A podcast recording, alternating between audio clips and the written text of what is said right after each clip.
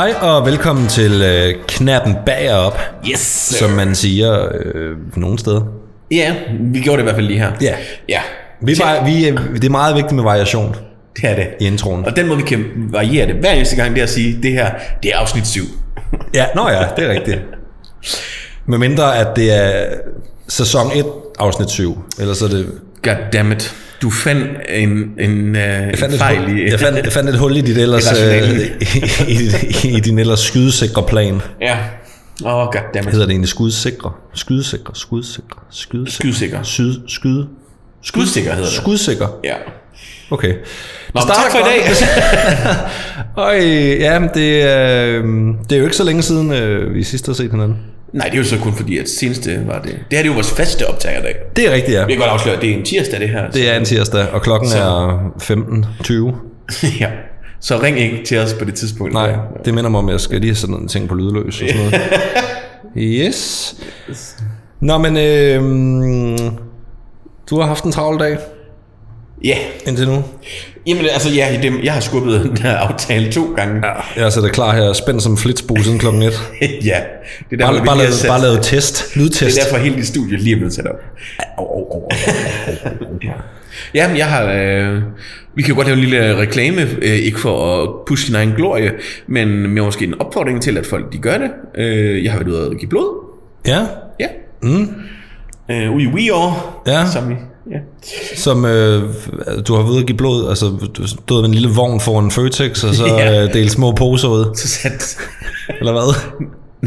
Nej, jeg har øh, haft nål i armen, og så har de øh, suget mit blod. Okay. Som en anden vampyr. Ja, og det, hvad, ja, men det, altså jeg var også bløddonor en gang. Mm. Øhm, Jamen, det er jo sådan noget, der skal passes ind, jo. jamen jeg ved ikke, hvorfor jeg ikke har det mere egentlig. Nej, men det, det er jo egentlig bare lidt at tage sig sammen til at gøre det, øh, fordi at der er ikke sådan noget, altså grund til ikke at gøre det, fordi man kan jo altid få brug for det selv, jo, så. Ja, ja det er rigtigt. Ja, ja, men, men øh, har du sådan en speciel blodtype? Ja, Så, så nu kommer du ud, og så bliver du behandlet som sådan en konge. det gør jeg, ja. Øh, De siger, der var han. Nu kommer han, blodkongen. OB resus negativ. Oh. Er du det? Ja. Det vil sige, at du er fucked, hvis der sker noget. Altså, hvor du skal bruge blodet. Nej, jeg tror faktisk, at jeg er måske egentlig nok så heldig, at jeg tror egentlig godt, jeg kan tage imod alt blod.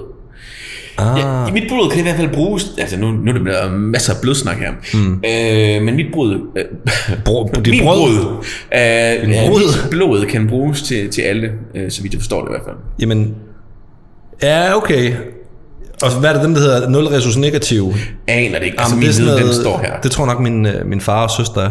Og det er vist sådan noget, hvor de kan kun få blodet for dem selv, men kan give til alle andre. Fra dem selv, altså fysisk selv, eller sin egen blodtype. Nej, nej, altså sin egen blod, blodtype, ikke? Nå, ja, okay. Og jeg, jeg har noget så helt vanvittigt kedeligt som, hvad det er. Det er... Jeg, jeg var helt nedslået, da jeg hørte det. Allerede der var der familiens sorte for. Ja, men det er sådan lidt. Det kan være lige meget det hele. Det er jo overhovedet ikke spændende. Men øh, ja, de havde sgu lidt problemer. Det var meningen, at jeg skulle have givet en plasma, og så... Øh, men det, det droppede de lidt. Øh, Hvad er det, det plasma der, det er? Jamen, det, øh, det er det, som der hjælper ret... Jeg, håber, ved du hvad, jeg ved jo heller ikke så meget, men det er det, der virker ret øjeblikkeligt. Øh, så det er det, der er med helikopteren, øh, når de er ude, fordi at de kan, I, som sagt, jeg giver det til alle. Men det er noget med, det, det, de suger blodet ud, så kører det igennem sådan en transfutingest, mm. øh, og så pumper de det tilbage øh, ind i kroppen. Ligesom der er nogle cykelryttere, som... ja, det, det er sikkert ikke meget galt, men... Har, følte du, at du var i bedre kondi, da du gik hen bagefter? Nej, Nå, men du fik jo ikke plasma. Det, der lidt er til forskel for, når du bare giver blod, det er, at der, der, der, man sidder jo og får noget æble- æblejuice. Og, jeg troede lige, du skulle til at sige noget æblejuice, ja, noget jæger, øh, der er ingen alkohol involveret her. Nå, okay. Øhm, det er fordi, man godt kan blive sådan lidt døsig bagefter, ja. De opfordrer, at man egentlig lige sidder 10 minutter. Ja. Men det er ikke på samme måde med, øh, på den måde er der ikke rigtig noget, altså du, du, du, du kommer af med noget med plasmaen, men på den måde påvirker det dig ikke helt samme måde. Men det tager så 50 minutter cirka, Okay, vildt nok. i modsætning til omkring 20 minutter. Øh, så Og det bruger du din fridag på? Ja. Hvor tit gør du det? Jamen, øh, det, det svinger rigtig meget. Ja. Men hvis jeg husker... Ja, det, man kan gøre det hver tredje måned øh, med, med, hvad hedder det, blod, og øh, jeg tror, det er hver måned med plasmaen. Øh, men ja, jeg ved ikke, hvor mange gange jeg er oppe på. Men, men det, det skal, at jeg skal overhovedet ikke passe pusse min glorie her. Åh, det føler jeg lidt. Der, er, det, det var, var, senest var inden coronaen, så... øh, Du kom jo, jeg har aldrig set dig komme med så rank ryg, så når Ja. du kom ind ad døren. Jeg har givet blodet, og jeg var sådan lidt, okay. Ja, dørkarmen fik så lidt slag der. Du, du ligner lidt øh, plakaten fra 300. så, så, så kæmpe champ var du, da du ankom. Ja, men øh, jeg har den attitude nogle gange. Ja, det har du. Øh, faktisk så vil jeg lige sige, at inden vi går i gang med det, som vi jo egentlig er kommet for, Drik øl. ja, øh, så har jeg en lille smagsprøve med. Nej, det er ikke af dit blod, vel? Nej, okay. vi, Nå, vi går fra blodsnakken nu. Jeg fik den til at tabe lidt ekstra. Alle de der anemikere, der sidder derude nu, og, okay, godt op og snakke med det. Nå, øhm, Nå ja, der er nogen, der slet ikke kan sådan. ja, men bare man endnu ordet. ja. Så, No, no. Ja, ja fuha. Nå, øhm, hvad hedder det? Nej, som sagt, så holdt jeg jo så fødselsdag her for øh, øh, øh, en uges tid siden. Det er jo en af de ting, som, som kommer til at følge hele første sæson. Ah, men jeg tænker, det er ligesom, næste uge, her for 14 dage siden, der holdt jeg jo, her for 3 uger siden, holdt jeg, her for 4 uger siden, holdt nu jeg har folk ligesom været med på rejsen, så tænker jeg, Jo, jo. Nu, nu, nu kan vi ligesom prøve at runde den af. Men, men når bliver din fødselsdag igen, inden vi har rundet den af? Ej, det er fint. Du havde skal fødselsdag. noget at følge med i, ja. Jo. Øhm, og hvad hedder det, så er det jo, at der er som regel noget overskydende efter, øh, øh, efter sådan en, en fest. Ja, og en af de ting, der opvask. var... Eh, nej, det er heldigvis meget lidt at klamme sådan en maskine, som der var. Øh, men det er drikkevarer. Mm. Øh, der er masser af vin og alt muligt. Men en ting, der absolut ikke blev drukket, det var en bestemt cider. Nå, og er det den der recorderlige uh, satan? Nej, det er en temp, men jeg tænker, at vi lige skal prøve at smage den. Og der er ingen krav om, at man drikker op. Det er sådan noget rigtig sødt noget, forestiller jeg mig. Jeg er meget spændt på det selv. Ja, Du, du løber op til køleskabet, kan jeg se. Jeg tror, du har fået en eller anden form for bloddoping. Har du ikke det i dag? Det er da, det er, så, så hurtigt har jeg alligevel aldrig set dig bevæge dig for at hente en bajer. Og det er ikke engang en bajer. Nej, det er det, jeg mener. Det, det jeg synes... Ej, jeg ved bare, anden sæson bliver knap en tændt op. Så, Ej, er det Dirty Passion? jeg kan godt sige dig, der blev drukket en til festen. Hvor mange har du købt? ah, bare en kasse. Ah, okay. Men jeg tænker, det var nok en, der holdt. Ej, jeg skal sgu lige prøve det. Ah. Så jeg tænkte, nu skal vi også prøve det. Ja, okay. Jamen, øh, Jeg kan godt lide, at skummen er endda orange. ah, Ja. Øhm, jamen, øh, skål. skål.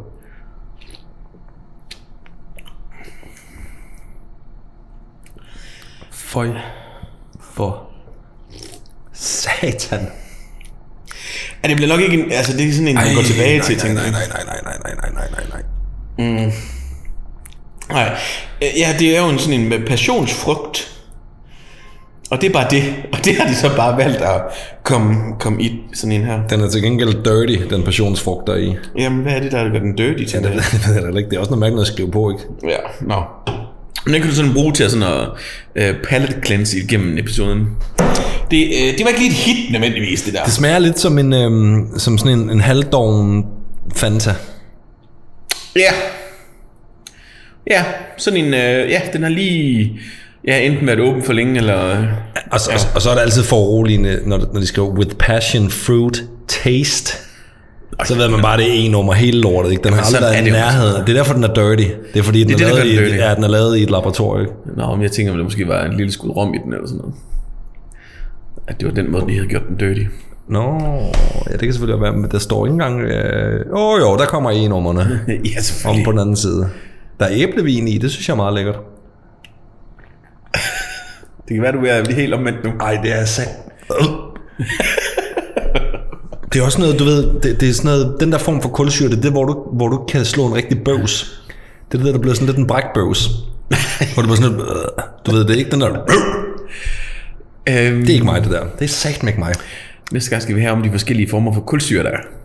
Det er faktisk, øh, Ja. det er et godt emne. Øh, men, det, men det er jo, altså det vil komme bag på mig, hvis jeg synes, den her den var lækker. Altså, det, for det Ja. minder mig lidt om en øl, jeg fik i Los Angeles, hvis, hvis, som vi snakker om for nogle, Mangoen. nogle episoder siden. Ja. Mango IPA. Puha. Ja. Nå, nej, det var lige en tester. Ja, men øh, Jeg har en hel kasse af den, hvis du vil have den. Man kan skrive til øh, sten knappen buyup.dk, hvis man er interesseret i en kasse øh, tæmt Dirty Passion. Og man kan også udfordre Dalle på dalle op.dk Ikke til at drikke den kasse, men Hvis man vil udfordre mig til at drikke resten af kassen her. ja, så filmer vi det og lægger det op. De skal godt nok på køl i hvert fald. Det der er godt, det skal være så det, det er ligesom snaps, det skal være ishammerende koldt. Snaps skal ikke være kold. Det der med, når man putter det i en fryser, og det kommer ud nærmest sådan tykflydende. Ja. Altså, nej, Jo. jeg ved godt, at det ikke kan fryse, men... øh, Ja, nå. Øhm, hvad hedder det? Vi snakker faktisk også lige kort lige inden vi starter op her, så snakker vi om dåsemad. Nå ja, Det var nu for noget helt andet. Ja. Fra en dåse til en anden dåse. fra ene dåse til den anden. Så skal jeg lige høre, er der noget dåsemad, du har i dit, dit, uh, dit skab, som, som konstituerer et måltid? Altså, så du tænker ikke bare en dåse flåede tomater? Nej, det tænker vi alle sammen har. Har jeg det? Altså udover pedigree pal. øh, om den er faktisk ikke helt dum. øh, nej, har jeg det? Nej, jeg har... Jeg, jeg har nemlig, jeg kommer til at tænke på nemlig, at, for jeg har sådan en dåse, jeg altid har haft i mit køleskab, siden jeg var, jeg flyttede hjemmefra som 20-årig. Jaka. Nej, Noget Jaka-borg. Jaka. Nej, Forloren har. Nej. Har du haft den samme dåse, siden du flyttede hjemmefra? Nej, det har jeg så heller Okay. ikke. Fordi det var sådan, jeg altid, hvis jeg var, havde tømmermænd, og du ved, man ikke orkede en skid. Boller i kaj. Nej, men det er fordi, den er for dyr. Jamen, det er da gal. Øh, Hvad ligger sådan en i en 20-22 kroner? 35 eller sådan. What? Ja, jeg tror, en knor, den vil næsten nærmest 40 nu. Nu ved jeg ikke med de nye priser og sådan noget. Damn. Men, øh, men sådan, du ved, sådan en pølse, hvad hedder det, med Steff Holbergs, øh, den ligger på omkring 32, tror jeg. Okay, vildt nok. Nå, men det er jo nok så meget nu, fordi det er priserne nu. Men dengang, så var det, øh, var det også... Jeg ved sgu ikke, hvad det kostede dengang. Men det, jeg altid skal have i mit, mit skab, det er en dåse øh, hønsekødssuppe. Du ved, sådan en rigtig slave Fra Beauvais, eller hvad? Altså, Nej, nej, nej. Det skal være den der sådan slaven en fra, fra Aldi, eller sådan noget. sådan en, hvor hønen bare har haft det af helvede til. Eller? Eller også er den bare blevet meget gammel. Det, tænker, det, det kan jeg godt lide at tænke på. Så det faktisk er blevet til en høne, og ikke en kylling længere. Ja, ja, okay. Øhm, Så det er sådan en selvdød høne, som de bare har flået fra hinanden. ej, så er de kogt den, og de har kredset om den. Du og- forestiller dig, at der er sådan en bedstemor, der er gået rundt hjemme i hendes køkken og har lavet det til dig, hældt på dåse og udgivet det. Det tvivler jeg på. Fordi der står jo på en palle ind i alt det. Ja, det er det, jeg mener ikke. Men, men jeg skulle lige sige, det der med, med, med færdigretter og sådan noget, det er virkelig også et marked, som er eksploderet, ikke? Ja, du også kan. Fordi, altså, du, frisk færdig. jamen, du kan, Ja. du kan få gomino, altså frysepizza. Da jeg var 15-16 år, Og der var det toppen. ja, men der kunne du få tre frysepizza bolognese i en pakke, og Ja. den kostede sådan noget... øh, 24 kroner. Ja. ja. Det var ikke sådan super godt, men hvis der var Heinz ketchup dynget nok på den, så gik det.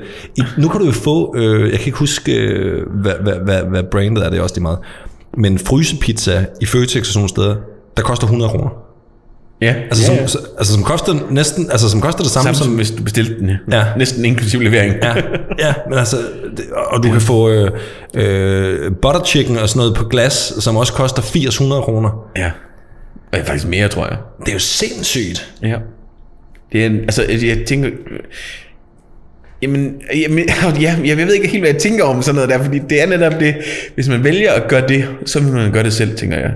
Men, men der lever vi, jeg nok også, altså nu har jeg ikke øh, kone og børn, så øh, jeg kan nok ikke helt leve mig ind i det der med at skal have alting klar. Og, og hvis man så vil købe noget færdigt, jamen man så også vil have en vis kvalitet.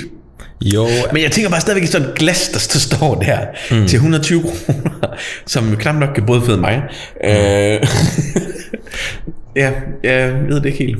Altså, jeg, jeg, jeg tror, at, at, at meningen er, at... Øh, altså, jeg, jeg, jeg tror, det er sådan noget med, at hvis man har meget travlt, for eksempel, og man øh, ikke kan nå at lave mad, eller ikke gider at lave mad, så skal det være et alternativ til øh, at bestille takeaway. Ikke? Ja. Altså takeaway med de priser, Volt og fanden eller som kører med, øh, altså både for, for, for, for de restauranter, der ligger der, og medlevering og så videre, så kommer du nemt af med 150 kroner for aftensmad, ikke? Ja, Så hvis du kan gå ned og tage en, øh, en, øh, en dåse et eller andet til 100 kroner, så jeg tror, det er der konkurrencen ligger. Altså, jeg tror, det er det, man men gør. det synes jeg er, det er equal for mig. Altså, om det er takeaway, eller... Jamen altså, at du selv har noget til 100 kroner, og så noget, til, du kunne få øh, leveret til for 150 kroner. Ja. Det er det samme for mig. Altså, hvad, hvad mener Altså du med fordi det samme? det, det, jeg stadigvæk skal jo tilberede det. Nå, jamen, det skal du jo ikke, hvis du får det leveret, jo. Nej, det er også derfor, jeg siger, at den, du køber til 100 kroner, har samme værdi men- som til 150. Oh, men du skal, det tager jo ikke længere tid at tilberede det, end det tager for Volt at levere det. Nå, men så kan jeg se halvdelen af Game of Thrones, jo. Om det kan du da også, mens din butter chicken, den står og, og, og bobler i en gryde. I muligvis så gør jeg ikke nogen dele. Hvad med din hønsekødssuppe? Den skal vel også tilberedes, eller æder den bare direkte fra dåsen af? Det er down with... Altså, det har jeg nede, det der. Du æder den bare direkte fra dåsen af. Nej. Du bare- du knapper Men den jeg bare lige op, og præcis, så- hvad jeg skal sætte mit, øh, mit komfur på, og så ved jeg, hvornår jeg skal gå ud og... fordi at, den, altså, fordi at alle dåsemadsretter, det er jo en videnskab, hvordan man, hvordan man får lune, Nå, nej, men Asian de- chicken tikka masala, og sådan Nej, helt... men jeg ved, øh, hvor lang tid det skal have, inden det begynder at boble. Ja, okay. Okay, jeg har skruet så meget op. Hvor lang tid skal sådan en have? Jamen, det skal have omkring 7,5 minutter eller sådan noget. Er det derfor, du aldrig nogensinde kunne finde på at få, få dig et nyt komfur, for eksempel? Det er fordi, så skal du til at starte hele den der Nej, proces det er, fordi, jeg, forfra det er fordi, jeg bor til leje. på Hawaii. Nej. Det er Valby. For helvede, alle skal vi have en øl, eller hvad? Ja, for vi skal have den her grimme passionsmag ud af kæften for sit liv. Ja. Øh, skal jeg... Ja, nu, Ja. Det, nu er det lidt irriterende, fordi at jeg har også sådan noget lort med. Nå, Nej, jeg tror ikke, det er noget men øhm, lad os se. Jamen, så er jeg da spændt. Altså, hver eneste gang, Dalle han rejser sig op for at gå hen til køleskabet, så beder jeg en lille stille bøn om, at der ikke kommer et eller andet i hans hånd hen til bordet, hvor der står Guinness eller øh, Stout. Og, jamen, han bliver ved med at sige det, men altså, nu er vi ved afsnit 7, og jeg, indtil videre har jeg stadigvæk kun fået ting at kigge igennem. Jeg, jeg, jeg her kan du også kigge igen. Ja. Åh, oh, hvad er det, der kommer her? Det er en lille fræk flaske. Okay. Ja. The White...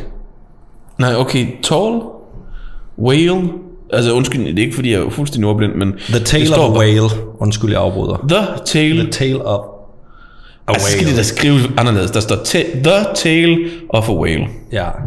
Men det er sådan lidt en... Øh... Jeg synes, det er en meget fed flaske. Ja, den er ret cool. Og ret cool øh, label også. Men den lidt, men lidt altså, interageret i, at man vil egentlig gerne læse, hvad der står. Ja. Det er ikke altid, der gør det. Øh, Nå, spændende. ufiltreret hvedeøl. Ja, Og øh, det kan jeg være med på. ja, det er jo altså en, øh, er koldt. en offentlig hemmelighed, at øh, jeg ikke er så vild med hvedeøl. Så derfor har du købt den. Så jeg har købt den for din skyld. Er det ikke sødt af mig? Jo da. Fordi du kom med det der søde lort sidst. Men, øh, Der, der står på den, at den lige skal... Øh, den lige skal, der, der står uh, needs to be stirred. shaken, not stirred. Og det minder mig om, har du, det så jeg på Instagram. Og så? Øh, ved du godt, hvorfor James Bond, han altid skal have stirred, not shaken? Det er genialt. Og jeg tror faktisk, at jeg har øh, set et eller andet øh, klip omkring det. Det er, noget med, det. det er noget med, hvis, hvis, hvis du rører øh, drinken i stedet for, så øh, blander alkoholen sig ikke med vandet, men vandet ligger så ovenpå. Nå. Hvorimod hvis du shaker det, så bliver alkoholen blandet med vandet. Det vil sige, at han kan, når den bare er stirred, så sidder han og drikker alkohol. Alle tror, han drikker alkohol, men det gør han ikke. Han drikker kun vandet. Er det spion, eller er det bare spion? Okay. Nu er det jo en auditiv ting, det her, men my mind is blown! Nå, så skal vi høre dig fuck den der op. Jamen, det er altså også en lorte oplukker, du Hvad snakker du om? Det er sådan rigtig uh, vintage. Åh, der talte jeg henover. det lykkedes, Sten. Vi skulle, syv, vi skulle syv episoder ind. Og så laver du lige den gode gamle uh, Flottemann Olsen fra huset på Christianshavn der. Jeg gør det faktisk helt uden at tænke på det. Det, det er lige sådan øl, man gør det med. Ja. Nå, det øh, Jeg glæder mig. Skål. Skål.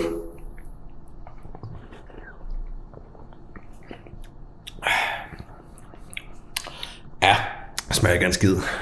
det er en god øl. det er, ej, sådan, en- det er dejligt læskende og mm, Jeg synes, den smager der ikke af noget overhovedet. brutal brewing. 4,8 procent. 33 centiliter. Øh, Det synes jeg absolut ikke passer, at den ikke smager af og noget. den er fra Sverige. Det er en svensk øl. Ja. Fra øh, Brutal Brewing Brutal brewing. AB. Og det står jo for øh, øh, Aktiebolaget. Er det korrekt? AB? Altså ligesom vi har AS i Danmark. Aner det. Det er jeg ret sikker på. Øh, de skriver bagpå her, at den er brygget som en tysk hvedøl. Øhm, Er de fleste ved jo ikke tysk? Altså, det, det kan godt være, altså jeg er fuldstændig naiv på det her måde. Jeg ved ikke, om de fleste er tyske, men, øh, men, jeg, men jeg tror da, at tyskerne har en, øh, en rimelig øh, hissig stor kærlighed øh, for det. hvede-tradition der. Fordi f- første jeg tænker på, når jeg siger hvedøl, det er Erdinger. Ja, og det er jo Og også så er det sikkert østrisk. Ja, det kunne det sgu godt, det ved jeg ikke engang, om det er. Nej. Men det er derfor, at øh, vi har den her brevkasse, hvor folk kan skrive ind, og, Ja, og klage. hvor, hvor, hvor idiotiske vi er. Ja. Altså, den, den gør jo ikke nogen fortræd, den øl her. Absolut ikke. Øhm. Det er sådan en, jeg godt kan sidde og drikke. Ja, men det skal du også. Ja, det gør Så jeg. det, er jo, det passer jo helt kanon sammen. Specielt også sammen med det kommende emne. Ja. som, som du skal have om. Ja. Der synes du, den passer lige ind? Eller? Ja, det må da passe lige ind. Åh, oh, men det er da heller ikke... Øh, altså, det er selvfølgelig en, man kan sidde med lidt, du ved, hvordan øh, en svensk vedøl, der hedder The Tale of a Whale, passer ind øh, i Kuba-krisen.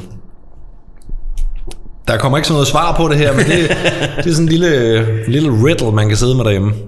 Altså, det er jo sådan lidt med Six Degrees of Separation. Der er vel altid en eller anden connection på det. Ja, ja. Altså, jeg tror, at connection er, at man også drikker øl både i Rusland. Og så den USA, brygget som en tysk. Cuba. Og Åh, ja. den kolde krig kom sådan lidt i kølvandet på... Berlin. Ja, Ja, men det er rigtigt. det, det er måske connection. Men skal vi, nu er vi jo åbnet op på den. Altså den kolde krig, ikke? Altså, øh, Kuba-krisen er det, der var emnet. Mm. Og øh, Faktalink.dk kalder Kuba-krisen for det varmeste øjeblik i den kolde krig. Og det er godt tænkt. Ja, det er faktisk ret godt tænkt, Ja. ikke? Fordi det var altså 13 dage, og længere var det ikke, 13 dage, øh, 13 nervepirrende dage øh, i 1962, hvor hele verden holdt vejret. Kommer der atomkrig, eller kommer der ikke? Øhm, og kom der atomkrig? Nej. Nej. Men du skal snakke om... Øh... Nej, vi skal lige... øh, Det, det er 62, men vi går lige lidt tilbage i tiden. Øh, fordi at i øh, 1959, der kommer Fidel Castro til magten på Cuba. Øh, nærmere bestemt den 16. februar. Undskyld, årstal til du. Øh, 1959. 59, okay. Ja. Nærmere bestemt den 16. februar, øh, hvor han som leder for 26. juni-bevægelsen Sådan overtager helt magten. fredeligt bare overtog magten. Ja, ja. Det kan godt være, og skulle jeg ikke prøve at være leder nu? Og så sagde de, jo, det kan du da godt, Fidel. Det må du da godt. Øh, Fidel Castro øh, øh, kom til magten, øh, og øh, det betød, at ca. 40.000 kubanere flygter til USA, hvor de cirka 30.000 slår sig ned i Florida. På det her tidspunkt, der er Dwight D. Eisenhower præsident i USA. Og i 60'erne, eller i særdeleshed nok efter 2. verdenskrig, men på det her tidspunkt også, der er kommunismen hovedfjende nummer et i den vestlige verden, og i særdeleshed i USA. Det er jo ting, der drager spor stadigvæk i den dag i dag. Altså, Det, det gør det nemlig. så snart man kan snakke socialisme, så tænker folk kommunisme og... Ja. Så, så snart, øh, så snart øh, vi i Europa siger velfærd, så tænker de i USA, ja. kommunisme! Og det, er jo, det har overhovedet ikke noget med hinanden at gøre. Nej. Men øhm, det, det får de måske lært en dag. Øhm, det er sådan, at øh, efter han rykker ind, så USA gør egentlig ikke så meget lige til at starte med. De, de ser lidt passivt til og tænker, lige mærker, du ved, badevandstemperaturen. Tænkte efter... egentlig måske, det kunne være egentlig være positivt? Nej, Nej, okay. ikke rigtigt. Fordi, at, fordi at, det kan godt være, at Fidel Castro ikke kalder sig selv direkte kommunist, men han er i hvert fald marxist øh, og, og sådan nogle ting. Øh, Ja. så, så nej, det, det, man synes ikke, det er fedt. Nej, okay. Det gør man ikke. Øh, og, og det betyder egentlig også, at... Øh, men det, det kommer vi til, Ja, ja, lidt tilbage til. Fordi at på, på det her tidspunkt i, øh, i slut 50'erne øh, og start 60'erne, der eksporterer Cuba rigtig meget øh, sukker til især USA, og de importerer rigtig meget olie fra Sovjetunionen. Men så lige pludselig øh, i, øh, i, øh, i 60, jeg tror faktisk det er, jeg ved ikke helt præcis, hvornår det er i 60, der ligger der et fransk skib i, øh, i Havana, som hedder Cobra, og det er lastet med belgisk våben. Jeg elsker, at du har de der navne med. Jamen det er jo ikke mig, det, er jo, det hedder det. Og øhm, det er våben til, øh, til Cuba, og det her skib, det eksploderer lige pludselig, mens det ligger i havnen. Og Fidel, han giver skylden til CIA og USA. Han mener, at det er CIA, der står bag og har fået en masse eksilkubanere øh, til, at, øhm, til at stå bag det her angreb. Ja. Det får så i midlertid øh, de private, der er på det her tidspunkt øh, nogle private amerikanske sukkerraffinaderier på øh, Cuba, og det får så dem til at nægte og, øh, og arbejde sammen med, med, med, med, med den kubanske regering, og de, fordi at de vil ikke bruge den sovjetunionske olie lige pludselig. De mener, at den er for ringe øh, i forhold til at udvinde det sukker, de skulle udvide, øh, udvinde. Det får så Fidel Castro til at blive rasende, og han vælger så bare at nationalisere alle raffinaderier. Det vil sige, han tager dem simpelthen bare fra de private Ja. ejere. Så nu er det øh, den øh, kubanske stat, der ejer det hele. Det gør så, at USA amerikanerne smidt hjem, eller bliver de sat i fængsel? Nej, de bliver ikke sat i fængsel, øhm, men, men man, man, man, man beslaglægger simpelthen øh, Ja, ja. de her raffinaderier og siger, at, eller beslag, men, men nu, det, nu man overtager dem. Der har jo nok også været kubanske arbejdere der. Ja, jamen det har der helt klart været. Ja. Øhm, men det får så USA til at lave en handelsblokade af Cuba, øh, Embargo. ja, hvor, man, øh, hvor man simpelthen ikke øh, nægter at handle med dem, bortset fra nogle øh, fødevarer og noget medicin.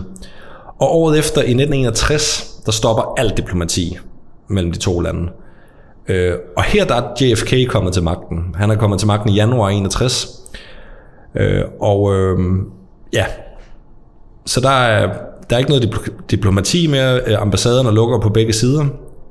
Og det tvinger så Cuba til at handle med Østen og primært Sovjetunionen.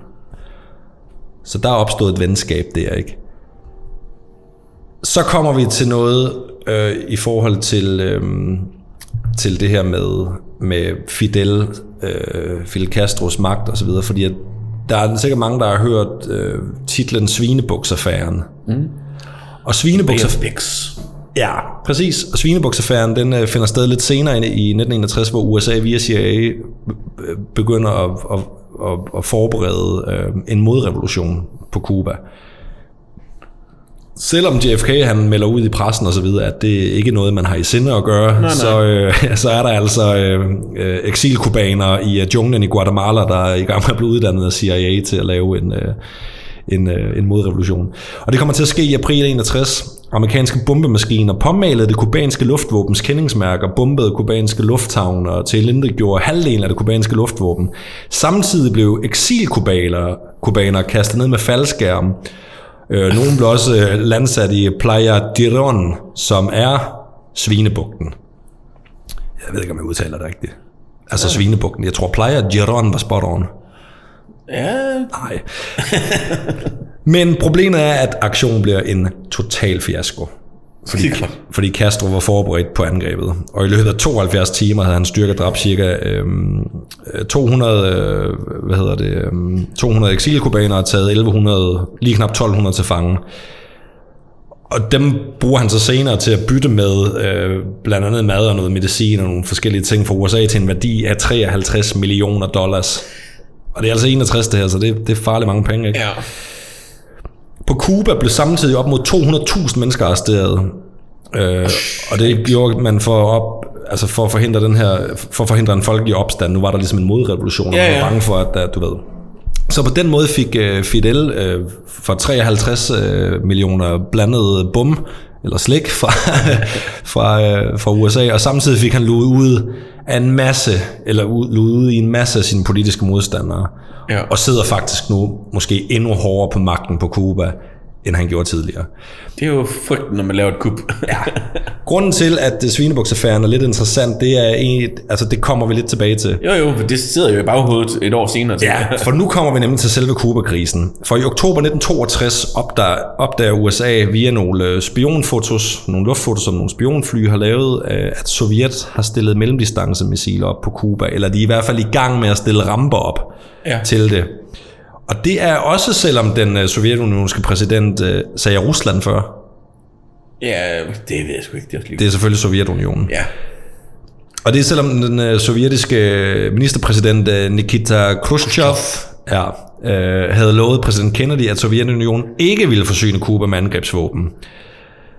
Så amerikanerne opfatter selvfølgelig det her som dybt, dybt, dybt uacceptabelt øh, og en stor sikkerhedsrisiko. Og de var selvfølgelig fast besluttet på at få den fjernet, om nødvendigt med magt. På det her tidspunkt, der, øh, altså under selve krisen, der øh, havde USA ingen sikker viden om, hvorvidt der allerede befandt sig missiler på Cuba, eller om der var atomspringhoveder. De havde kun øh, opdaget de her affyringsramper til at starte med. Øhm, efter den kolde krigs afslutning har man i Sovjet, sovjetiske arkiver fundet ud af, at Sovjetunionen uden USA's viden faktisk allerede havde opstillet otte affyringsklare mellemdistancemissiler plus kortrækkende atomvåben beregnet til forsvar mod en amerikansk invasion. Amerikanerne vidste jo heller ikke, at øh, der allerede befandt sig så mange som 42.000 sovjet, sovjetiske tropper på Cuba. Øh, Jesus. og det er klart, at hvis, hvis man havde vidst det på det tidspunkt, det var måske meget godt, man ikke vidste, for havde man vidst det, så havde situationen blevet endnu mere betændt og endnu Ja, mere... fordi så er de nødt til at opruste jo. Ja, præcis, ikke? Ja. Men så, så, så kommer det naturlige spørgsmål selvfølgelig, hvorfor stiller Sovjetunionen missiler op på Kuba? Ja. Og der bliver så lavet sådan en taskforce, øh, sådan et sikkerhedsråd, halløj, øh, i, øh, eller i USA, øh, med nogle vigtige mennesker. Det er en liste af 10-12 navne, det ja. Kan være lige meget. Og de kommer så op med en række teorier. Den ene af dem er, at missilerne på Cuba vil Sovjetunionen bruge som en form for byttehandel, fordi USA har missiler stående i Tyrkiet. Ja. Ja. Der er også en teori, der hedder, at missilerne på Cuba skulle bortlede verdens opmærksomhed fra Berlin, som jo også er en ting, man, man diskuterer meget på det her tidspunkt. Øh, fordi at hvis øh, USA for eksempel kunne finde på at angribe Cuba på grund af de her våben, så ville det splitte NATO ad, og stemningen i Latinamerika ville, øh, ville blive øh, altså, øh, anti-amerikansk. Angrebet ville over for Sovjetunionen og Kina demonstrere, at amerikanerne er aggressive, og, øh, og mens den amerikanske regering så er tvunget til at forholde sig til en eventuel negativ kritik, så ville øh, Sovjetunionen dermed kunne få fred til at stramme grebet om Berlin. Altså hvis det her, altså hvis det bliver lidt for snæver for dig, så må du godt gøre det lidt bredere. Hvad tænker du? Det er ret bredt, det her. Du har lige nævnt hele verden. Nå, ja, ja, men, nå, nå, på den måde. Nå, ja, men, men det, er jo, det er jo de teorier, de Ja, kommer ja, op men med. det, ikke? det, er jo det er jo ikke noget galt i det, du siger. Det er mere bare, hold kæft, det er bredt. Altså, fordi det involverer hele verden jo. Ja, jamen, det er jo det. det, er jo det. Ja. Og så er der selvfølgelig også øh, øh, den tredje teori er, at, øh, at man ville sikre, at øh, USA efter Svinebuksaffæren ikke øh, igen ville forsøge prøve at det, ja. invadere Cuba. Giver jo god mening. Øh, så er det klart, at, øh, at missilerne skulle skræmme, eller der var en teori, der hedder, at missilerne skulle skræmme USA fra, for øh, hvad kan man sige, øh, lad mig lige prøve at se en gang. Nej, øh, missilerne skulle på en billig måde styrke Sovjetunionens øh, atomslagkraft øh, ved at placere anlæg til atommissiler på Cuba, Øhm, og dermed ville Sovjetunionen kunne bøde øh, på det forhold, man havde, øh, hvad angik langtrækkende raketter. Øh, fordi at de var nemlig håbløst bagefter amerikanerne. Ja. Så det vil sige, det der med, at man stiller noget op så tæt på USA, der kan man ligesom, du ved, på en eller anden måde blive even, selvom man ikke har lige så Ja, ja, stærke klart. våben. Og det er jo så kæmpe et land. De har jo så mange grænser, og der er altid konflikter. Ja, præcis. Og så er det bare rart at have en trump i ærmet. Helt klart. Nå, skål. Skål. Inden vi går videre. Yes. Jeg ved ikke, hvorfor jeg ikke kan, jeg ikke kan sige Sovjetunionske, eller Sovjetunionen. Fandme godt, det bare hedder Rusland i dag. USSR. US, oh ja, det kunne vi også sige. USSR fra nu af. Så, med de her forskellige teorier, man ved, at der står ramper, missilramper på Cuba. Hvad gør man? Hvilke muligheder er der? Og øhm, det var klart, at der var alle i USA var sådan, at vi er nødt til at reagere. Vi kan ikke bare se passivt til, at vores største fjende, eller hvad kan man sige, begynder at stille øh, atommissiler op i baghaven. Så øhm, det man tænker, det er, at øh, altså man var ret enige om, at det, det, vi, kan ikke, vi kan ikke starte en diplomatisk forhandling øh, udelukkende. Og øh, efter Svinebuksaffæren øh, stod det også klart, at, øh, at øh, luftangreb og invasion af Cuba, det var ikke en brugbar fremgangsmåde. Selvom der faktisk var nogle øh, militære øh, øh, rådgivere, som gik ind for den løsning. Øhm, sådan som de opfattede det i Sikkerhedsrådet, der havde USA reelt kun to muligheder. Enten kunne man bombe ramperne, eller også kunne man indføre en blokade af Cuba, og således sikre, at anlæggene ikke blev fuldført og forsynet med missiler. Og øh, det var så også den sidste mulighed, man gik med, at lave en blokade. Selvom de faktisk allerede var der. Det vidste de jo så ikke på det tidspunkt. Nej, nej, men det er jo sådan lidt sjovt, øh, fordi at... Ja, det, jeg tænker, med de for, forestående forhandlinger, mm. så er det lidt sjovt måske at have i mente. Ja, ja, ja. Men altså, men efter nøje overvejelser, øhm, så traf øh, Kennedy den beslutning, at USA skulle øh, udsætte Cuba for en flådeblokade, der skulle sikre, at der ikke nåede flere forsyninger frem til øen. Og på det tidspunkt, der ved man, at der allerede er sovjetunionske øh, øh, skibe på vej ja. øh, til Cuba. Og øh, man ville stanse dem, hvis de medbragte våben eller missiler eller ting til den her missilopstilling. Og der blev også øh, stoppet øh, en masse skibe. Der blev også lukket en masse skibe igennem. Fordi at øh, de fleste af dem havde faktisk ikke våben med. Og det er måske fordi, at meget af det allerede var der. Ja. Og så er det klart, så finder øh, Sovjetunionen ret hurtigt ud af, at man stopper skibe, og derfor holder man en masse skibe hjemme. Så man, man stopper simpelthen med at sende dem afsted. Ja. Så man kan sige, at på den måde øh, øh, virkede det. Så når vi hen til øh, den 27. oktober. Det er det, der bliver karakteriseret som det mest kritiske punkt i krisen. Og det er øh, et amerikansk spionfly, der bliver skudt ned over Cuba, og piloten bliver dræbt.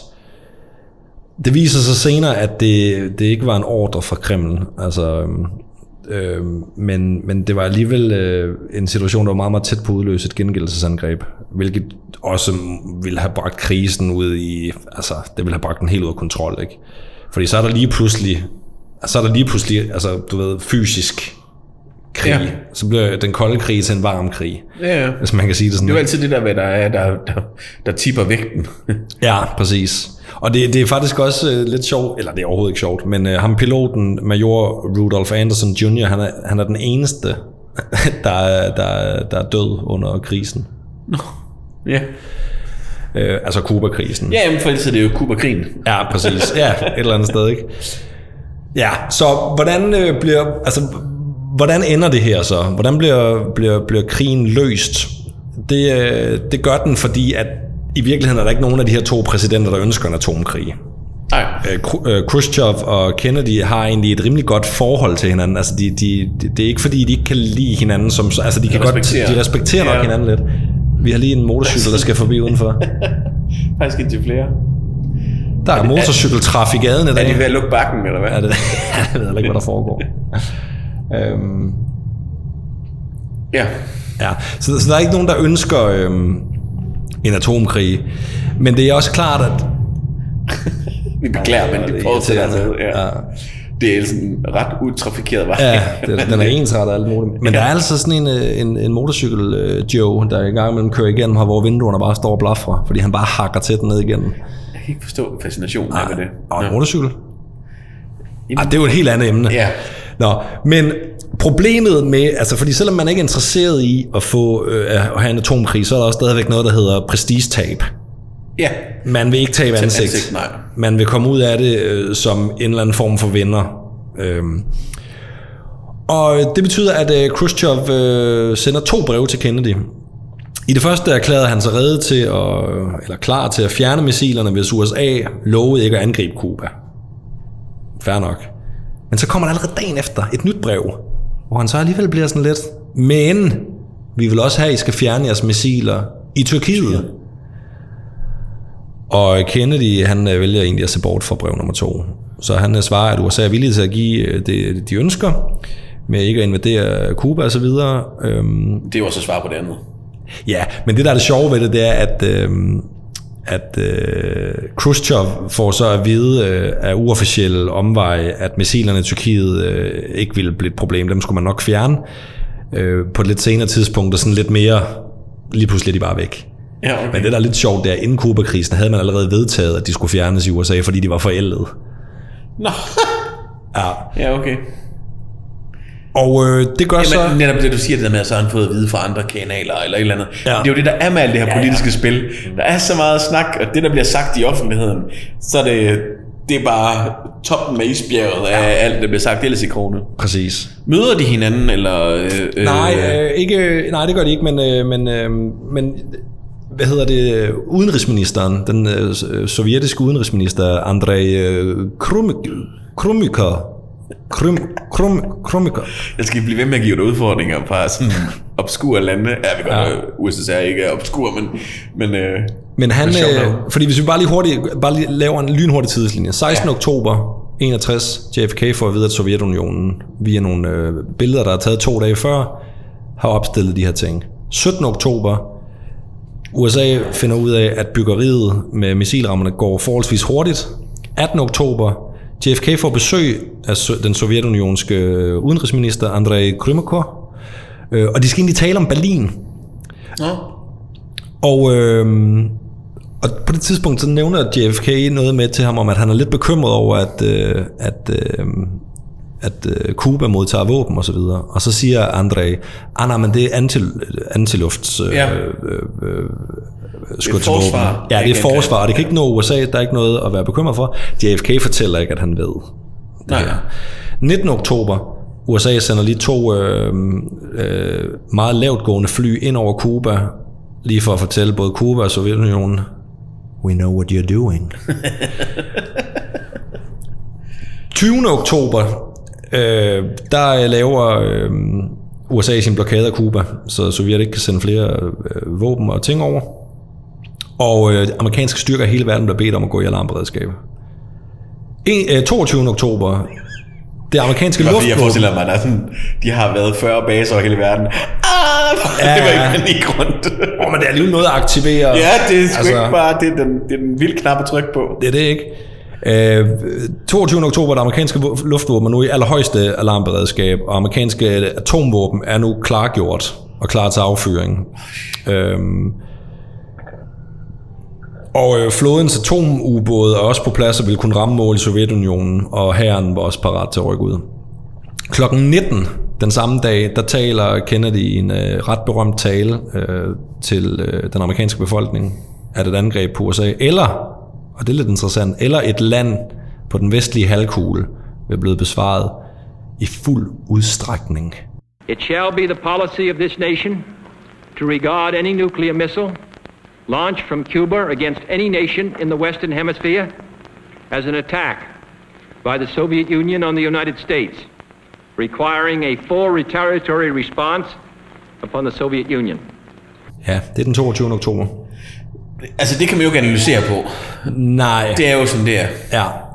Ja, ja, jamen det er jo, det er jo rimelig, øh, rimelig øh, lige ud af Ja, men det er også det der, i det her skyggespil og sådan noget. Ja. Så det der, det, den til at tage at føle på. Men det her det er altså også første gang, at befolkningen får noget at vide. Fordi han starter, det her det er omkring 11 minutter ind i talen, at han siger det her. Nå. Han starter med at fortælle, hvad der er, der er foregået med Cuba, og der er blevet stillet missilramper og så videre op. Ja.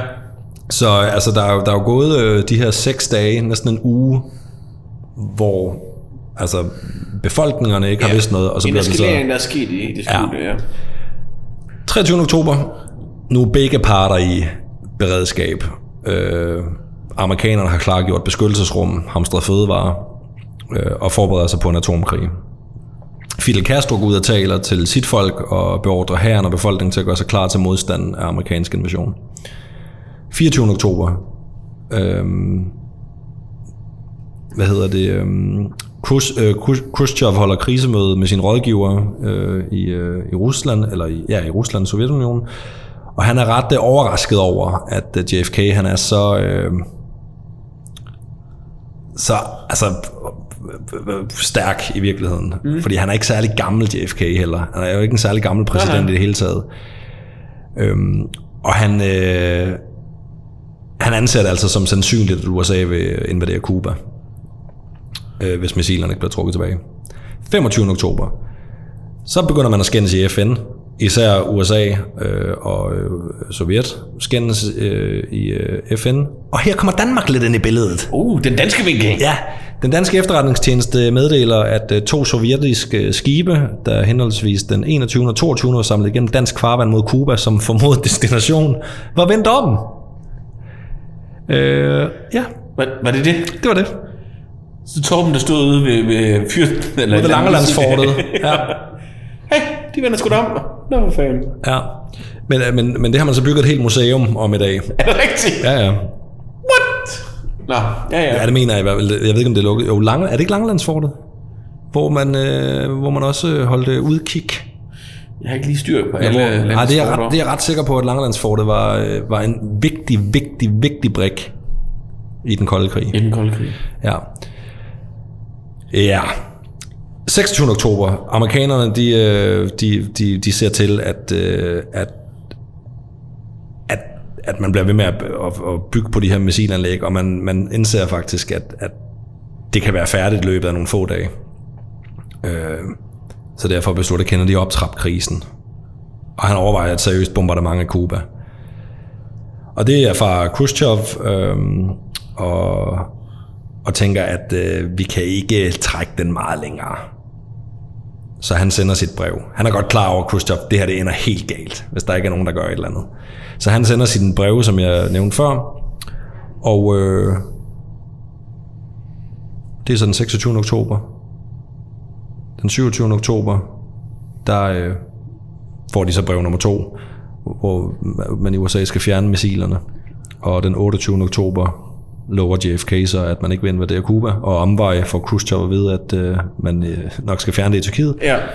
og så er den kolde krig, eller så er Kuba-krisen afværget. Og det synes jeg jo er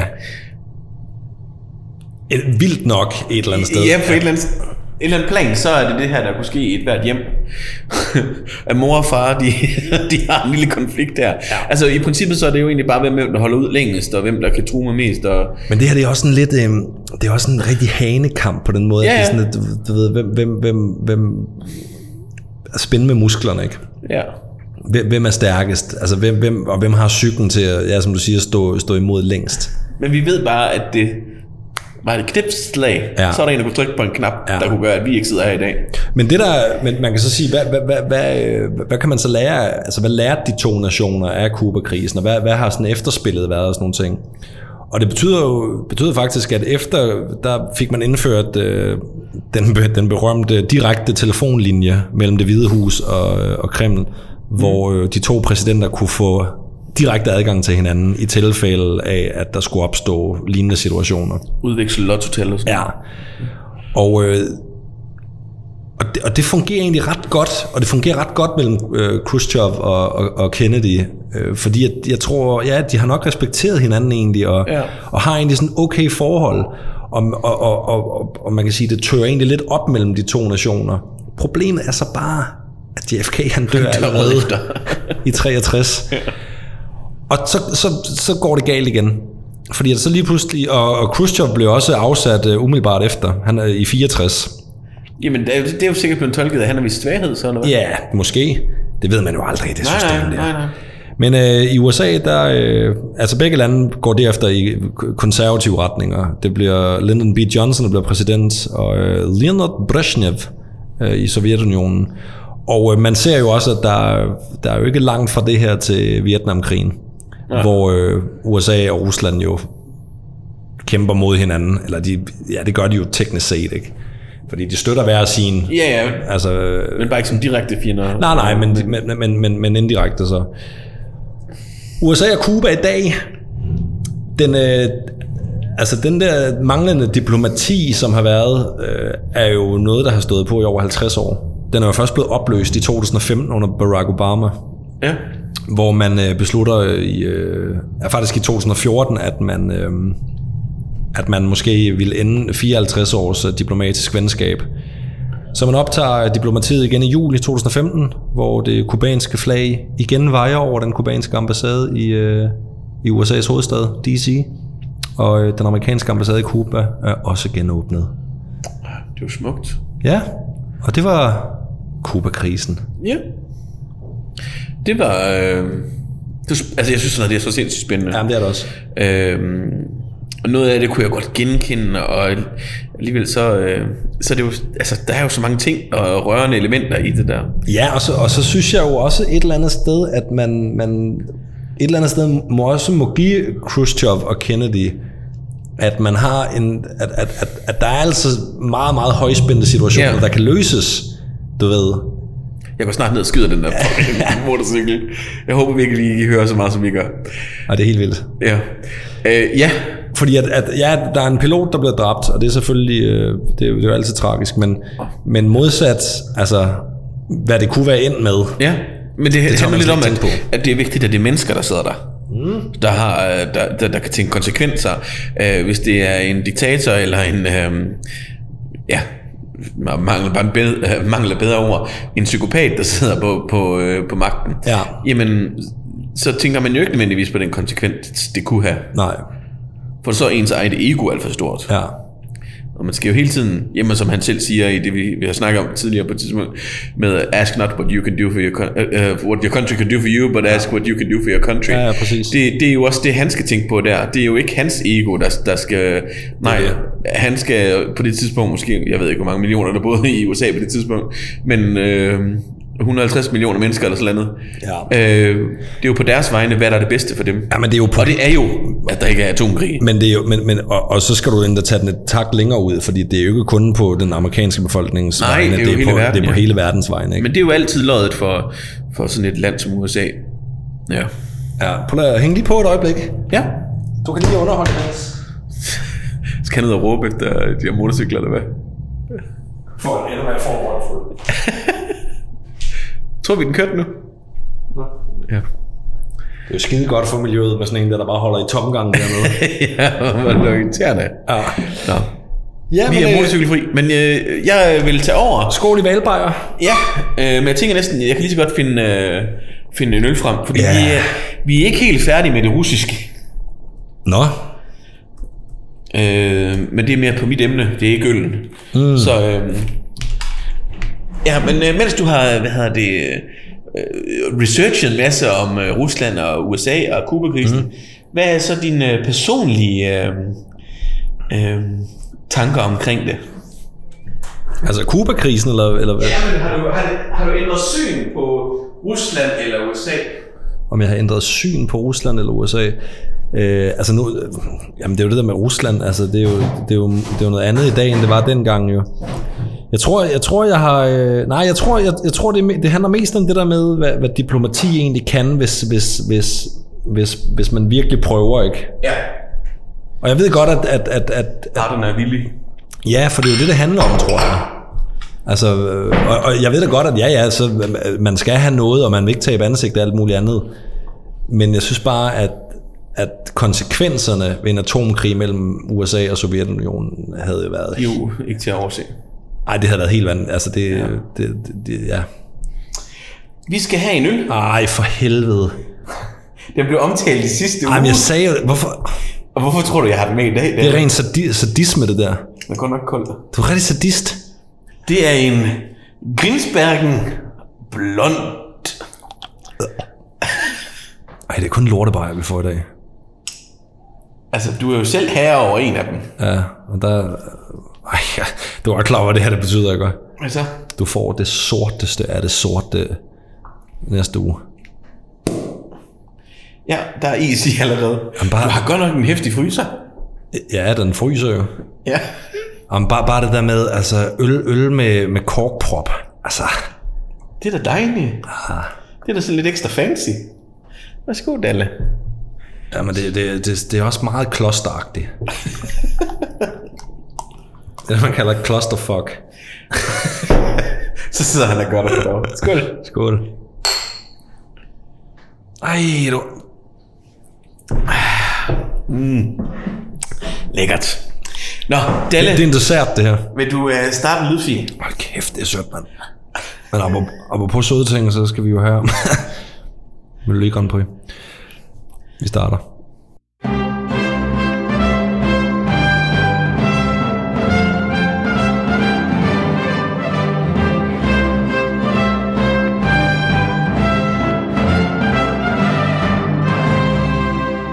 Apropos krig. Hello, Europe. Det er en god melodi. Det er, altså, men jeg bliver fyldt af alle mulige følelser, når Jamen, jeg den, hører den, den den. virker. Det er en god Ja. melodi. Øh, hvad hedder det? Jeg har ingen info omkring den melodi, har jeg lige fundet ud af. Jeg aner ikke, hvem der har skrevet den, hvem der har lavet den. Nå, Men er det ikke tankevækkende, at, at den melodi er den bedste melodi, der nogensinde har været med til Melodi nej, Grand det Prix? passer ikke, Dalle. Det, synes det skal jeg. jeg fortælle dig, hvorfor du Okay. okay. Okay. Nå, øh, Melodi Grand Prix. Yes. EBU, a.k.a. Uh, you, you, you, Eurovision Broadcasting Union. Nemlig. Ja. Oh, ja, ja, ja, ja. Ikke bare en hathylde deroppe. Øhm, nå, nå øh, de, det blev en sammenslutning i 1950. Og det er en sammenslutning af øh, radio, eller øh, hvad hedder det, øhm, nationale radiostationer og tv-stationer. Det er jo tv-stationer, tv-stationer var jo stadigvæk sådan en ny ting lidt dengang. Så sådan i løbet af årene, så er der flere til flere nationale tv-stationer, som støder til EBU. Vi er jo faktisk det andet medlem af EBU. Var vi det? Øh, Ja, det har hovedsæde i, hvad hedder det, Lucerne, Schweiz. Jeg tror du skulle sige i Kolding eller sådan noget. Det som øh, egentlig der var deres sådan øh, øh, mission, altså grunden til at de samlede sig, øh, det var sådan set det her med at øh, øh, kunne sende på tværs af landegrænser øh, arbejde med de signaler, man, man, man har, fordi det er forskellige, og så ligesom, at, hvordan man ja, laver lidt mere globalt netværk i, i forhold til de individuelle landes øh, måde at køre tingene på. Øhm, og, og måden de vil gøre det på, det vil så være for at skabe en event, der sådan øh, fungerede og kunne samle landene lidt. Øhm, og man, man spekulerede på, hvad, hvad det kunne være. Øh, man har tænkt forskellige sportsgrene, øh, øh, og sågar cirkus. øh, hvad hedder det? Men, øh, hvad hedder det? Det er fedt nok. Og nu vil Holland gerne jonglere. ja, men, Okay. ja, okay. Øh, men, men det tænkte man ville blive fordi der allerede var konkurrence øh, inden for, for de emner, så tænkte man, det, kunne, altså det var meningen, det skulle være en forholdsvis fredelig ting. Jo. Og ikke cirkus. Har der været konkurrence inden for cirkus? Nej, men det, det er derfor, at de tænker på, at det ikke skulle være sport i hvert fald. Okay. Og så skulle det jo være sådan lidt et vindue til folk øh, på det tidspunkt, til andre lande i Europa. Mm. Øh, fordi på det tidspunkt, øh, som udgangspunkt, så kendte man na- sine nabolande sådan rimelig godt, fordi man, hvis du var heldig nok, kunne tage på camping der, eller øh, ja. Man handlede øh, vel men, også med sine naboer, jo. Ja, ja, øh, men altså nu tænker jeg som privatperson. Åh, okay, Øh, og, øh, øh, men det var egentlig ret begrænset, hvad man vidste. Altså det var for skolen, men hvad man vidste. Ja. Det var jo ikke sådan, man bare lige tog på en weekendtur til Rom eller et eller andet. Øhm, så det var også en måde, ligesom man kunne vise sig øh, ud af til til landene. Mm. Øhm, og derfor øh, så, så startede, der, eller der startede en musikfestival i Sanremo i, i 1951 med det her med konkurrence om bedste sang. Øh, må, må, må jeg lige hurtigt spørge om noget? Mm. Det, er jo- det er jo også lige efter krigen, det her. Jamen, ja, det, det kommer. Ah, okay. Øhm, hvad hedder det? Men jamen, det er 100% øh, korrekt. Det er lige efter krigen, og det er netop også det her med at prøve at samle folket. Samle øh, ja, ja, og øh, derfor har der også altid været en... en, øh, en øh, jeg så godt, hvad for en øl du drak der. Øh, hvad hedder det? øh, En mentalitet omkring det her med, at, at det skulle være upolitisk. Mm. Øhm, men ja, øhm, den her øh, musikfestival øh, kigger man på, og det bliver så foreslået, at man laver en version af det, og det er så det, som i 1956 i Lugana af, hvad hedder det, Schweiz, bliver til den første Melodi Grand Prix. Altså 1956. Øh, de første lande, der var med, var Belgien, Frankrig, Tyskland, Luxembourg, Holland, Italien og Schweiz. Var vi ikke med? Nej. Tog det Jørgen og Grete Ingemann så mange år, to år at skrive den sang? Nej, men øh, det kommer lige med, ja.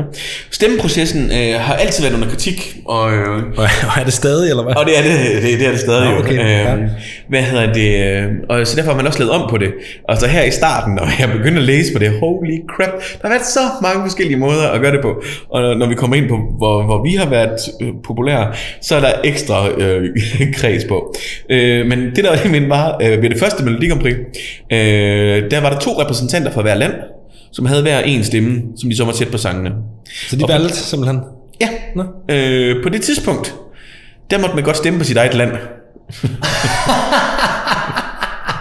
det fandt jeg så ret hurtigt ud af, at det var en dum idé. Det, Nå, det, det, det stod meget lige. ja, Alle lande har til, to stemmer. at værtslandet Schweiz øh, får besked fra den luxemburgiske jury, The Luxembourg Euro, at de ikke kan sende deres to repræsentanter. Øh, jeg ved ikke hvorfor, men de, de var uh, unable, to attend. Øh, så, øh, så så blev der udnævnt to nye, og de var også fra Schweiz. Schweiz vandt.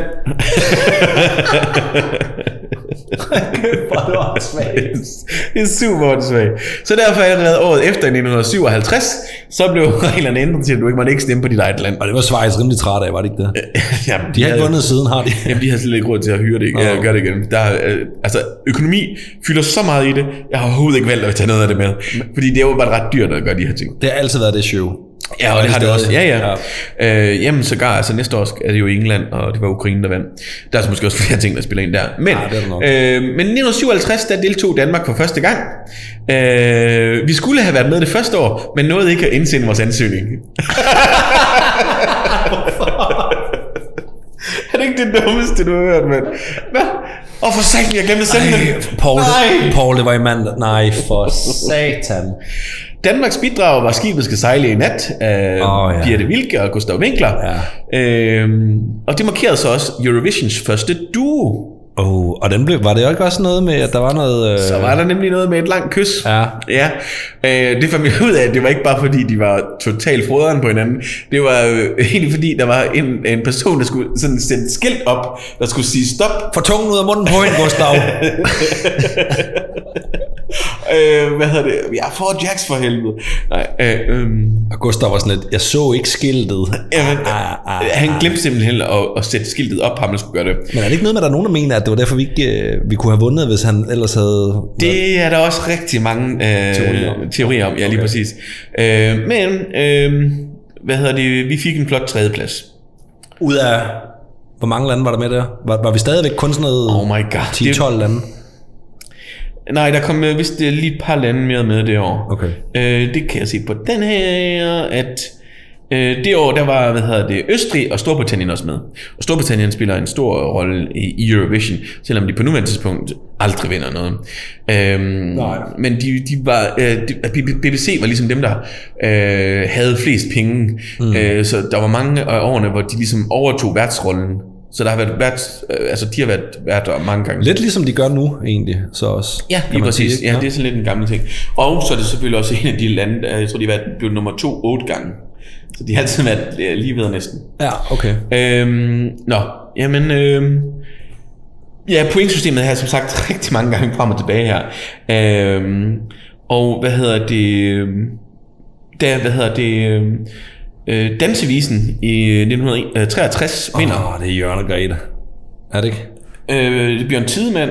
Øh, Dansevisen. ja, Det er ikke Bjørn Tidemand. Jørgen Ingemann, undskyld. Sorry. Ja, Jørgen og Grete. Jørgen og Grete, sorry. Bjørn Tidemand, nej. Det, Altså, jeg er enig, jeg er enig Bjørn Tidemand. det er fordi Bjørn Tidemand, han er, der, er året efter sangen om dig. Det var det, mm. ja. Nå, øhm, hvad hedder det? Da de vinder, der sker der sådan den største sådan pointmæssige sådan lettere skandale. Øh, så det er vi faktisk involveret i. Vi har ikke rigtig haft noget til at fra at gøre i det. Men det var simpelthen sådan, at på det år, så havde hvert land 20 øh, repræsentanter. Okay. Og så skulle de give... Det her, det bliver lidt... Jeg er ikke helt sikker på, at jeg har styr på det. Men øh, det meste, man kunne give, det var 5 point. Øh, så det var sådan noget med 5, 3 og 1 point. Øh, som, som hvert land kunne give. Okay. Men så hver, altså de 20 repræsentanter skulle gøre det samme. Og så, hvem, alt afhængig af hvem der så øh, lå øh, øh, et, eller 1, 2 og 3 af landene, fik så 5, 3 og 1 point. Det, øh, hvad hedder det, øh, som Norge de så gjorde, det var, at de gik ud og fandt 20 studenter. Det, der er er ikke noget med noget musik at gøre. Og så har de taget ud et eller andet sted og drukket sig nemlig fuld. og sådan noget, ja.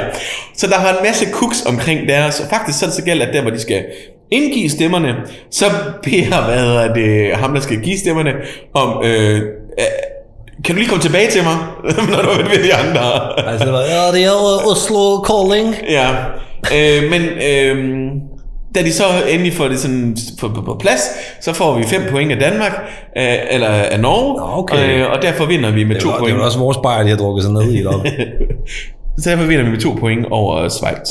Men, men jeg synes, jeg har set et klip engang, hvor der er sådan helt kaos inde i studiet. Ja, men det er der, altså, det, er også, det, det har jeg slet ikke meldt i gang. Det er, altså, der er på tidspunkter, hvor du ved, de har øh, sådan øh, øh, numre til at stå på sådan en stor tavle. Mm. Øh, igen er det sådan nogle studerende, de har til at gøre det. Ja. Øh, og så er nogen, der vælter det ned, Nej. og så bliver det sat op forkert. Det, det er så traumatisk. Så, så på den måde fik man lidt cirkus. Men, men altså, som indtil videre, så virker det som om, at dem, der har vundet, de har vundet. Øh, Ja. Ja.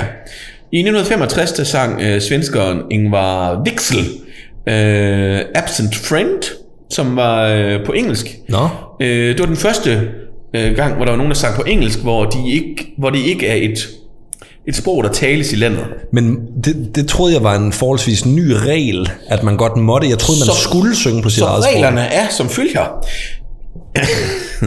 ja. ja, ja. Øhm, at man skulle synge øh, på sit øh, nationale sprog fra 1966 til 72, og så igen fra 77 til 98. Ah, Så indtil 98, der, der, har, der man skulle synge på sit, eller et, skulle et, et øh, nationalt anerkendt sprog. Fordi der er jo, altså for eksempel Belgien, der kunne du ligesom vælge tre forskellige sprog. men ej, det, var, det er lidt en skam, at det ikke var lidt før. Så jeg ville godt have hørt Curly Kajs stemmen i mit liv oversat. Cause you're the voice in my life. Eller, Puha. Øh, hvad hedder det? Men det er jo så også derfor, at i 74, der vinder øh, øh, ABBA med Waterloo, som oh. det er på engelsk. Ja, ja, ja, ja. Så der er lige de her øh, år, hvor, den har, Det giver mening. hvor det har været øh, muligt. Øh, yes. Nå, men øh, 1977 øh, markerer så også øh, året, hvor at øh, Danmark valgte at stoppe. Nej, undskyld, øh, 67, undskyld. Så fra 67 til 78, der deltog Danmark ikke i Eurovision. Nå. Det er jo sådan lidt specielt, når man har haft succes, og man har øh, altså, man afholdt, øh, hvad hedder det, øh, hvad hedder det Eurovision i, i 64. Øh, så det, er- det, det valgte man simpelthen, men det er jo igen noget, en cost-benefit ting, øh, ja. det her. Og man valgte simpelthen at sige, at jamen, det har ikke øh, det udbytte, man kunne håbe sig. Øh, Modsat i dag, hvor det jo er en kanonforretning. ja, men det, det tror jeg, det er svært at sætte en pris på. Nå, men i 1978, der skete der noget skældsættende, og det var øh, øh, i det danske Melodi Grand Prix. Det var, øh, ikke nok med, at det var øh, Boom Boom og Mabel, der vandt Ej, det det år. er fandme et godt nummer. Det er det. Øhm, så var det så også øh, markeringen af tilbagevenden til Eurovision. Øh, men som det absolut vigtigste, så starter det 10 år af Jørgen Demilius. Øh, Hans regime Prix. starter der. Yes. Ej. Som vært af det, og efterfølgende har han jo så også været kommentator på det øh, internationale øh, i, en, i en årrække. Øh, så han har været indsmurt i øh, Eurovision i, i 25 år. Meget stor Elvis-fan i øvrigt. Nå, ja. Lavet en dokumentar om Elvis. Jeg tror at han er fan af god musik, så det giver god mening. Ja. Ja, ja. Øhm, Ja, jo og her kommer vi så også lidt ind på øh, øh, det, som jo egentlig også var en del af min udfordring, øh, som godt nok var svært sådan rigtig at gribe om, fordi popularitet, det, det er sgu så svært rigtig at beskrive. Men her, der, der kommer vi helt klart ind i... Øh, øh, i, i Eurovisions guldalder. I hvert fald når det øh, forholder sig til Danmark. Men også internationalt. Men, men det, lige her har jeg valgt at, sådan, ligesom at fokusere på det danske. 80'erne. Blandt andet, ja. ja. Men altså slut 70'er Okay. øh, og 80'erne, og ja. Øhm, fordi at øh, det er her, vi støder på legender øh, som Tommy, Sebak. Øh, Skal vi lave sådan en, øh, ligesom øh, på, når vi er til fodbold? hvad er det? Tommy! Sebak! Ja, okay. Du kører bare videre. Den duel. Ja. Du er klar, hvis jeg skal sidde og forklare dig det. Så. Ja, ja, men jeg skulle... Jamen. Nå, vi har Tommy Sebak, og vi har jo ikke rigtig andre, har vi? jo, jo. Nå. Jeg tror, Han han, han var- var med hvert år sammen med Kjell Haik. Han var med otte gange, Og det er også næsten hvert år. og har vundet det, det danske tre gange. Shit, mand. Men hvilke, ved du hvilke sang? Ja, Under stjerner på himlen. det var den sidste. I 93. Øhm, Nå, det var i 93. Ja. Og så var det den første, det var også første gang, han deltog, det var Disco Tango. Krøller eller ej. Og så øh, 81 krøller leg. Jeg kan godt vide, hvad man har tænkt nede i Europa. Krøller leg. Ja. At det var en fjollet sang, eller hvad? Mm, Jamen, jeg tænker bare, at man har jo ikke forstået noget af det. Nej. Men det hedder jo også Melodi Grand Prix, og ikke Lyrik Grand Prix. Nej, det var det. Øhm, men ellers så var der selvfølgelig også Kirsten og Søren. Åh oh, ja. Ja. Satan, Kirsten og Søren. Og de hed så også Hot Eyes. det hed de i hvert fald øh, i starten, og så ændrede de sig så til Kirsten. Meget 80'er navn. Ja. Øhm, Var det ikke hende, der smed ham i poolen der til det danske engang? Jo, Ja. lige præcis. Øh, hvad hedder det? De øh, vandt seks gange, eller de var med seks gange, og vandt øh, tre gange. Øhm, Kirsten og Søren, det er også et godt, det er et godt navn, for det lyder bare som om, at det er dine naboer, der er stillet op. Jamen, det er jo lige præcis det. Er det ikke rigtigt? Og de ligner dem også. Det er Kirsten og Altså, Søren. De står i deres, øh, hvad hedder det? Hver gang der er fest, så skal. Kirsten og Søren synge. De øh, brillerer. Øh, Tommy, hans bedste placering, det er en 6. plads med disco. Øhm, og så er det øh, Søren og Kirsten, de har lidt bedre succes, når de kommer til det internationale. Fordi de får en øh, 4. plads og en øh, 3. plads. Gør de det? Ja. Og hvad er det? Er det, er det, det, det, lige det, jeg går? Er det ikke dem? Nej, jo det er det. Ja. Men det er, øh, det er lige det, det var deres fjerde plads. Men deres bedste nummer, det er, kan du se, hvad jeg sagde? Åh, oh, det er fandme også en evergreen. Jeg kunne faktisk ikke huske. Det sa- sangen, sangen om at, at være bagklog.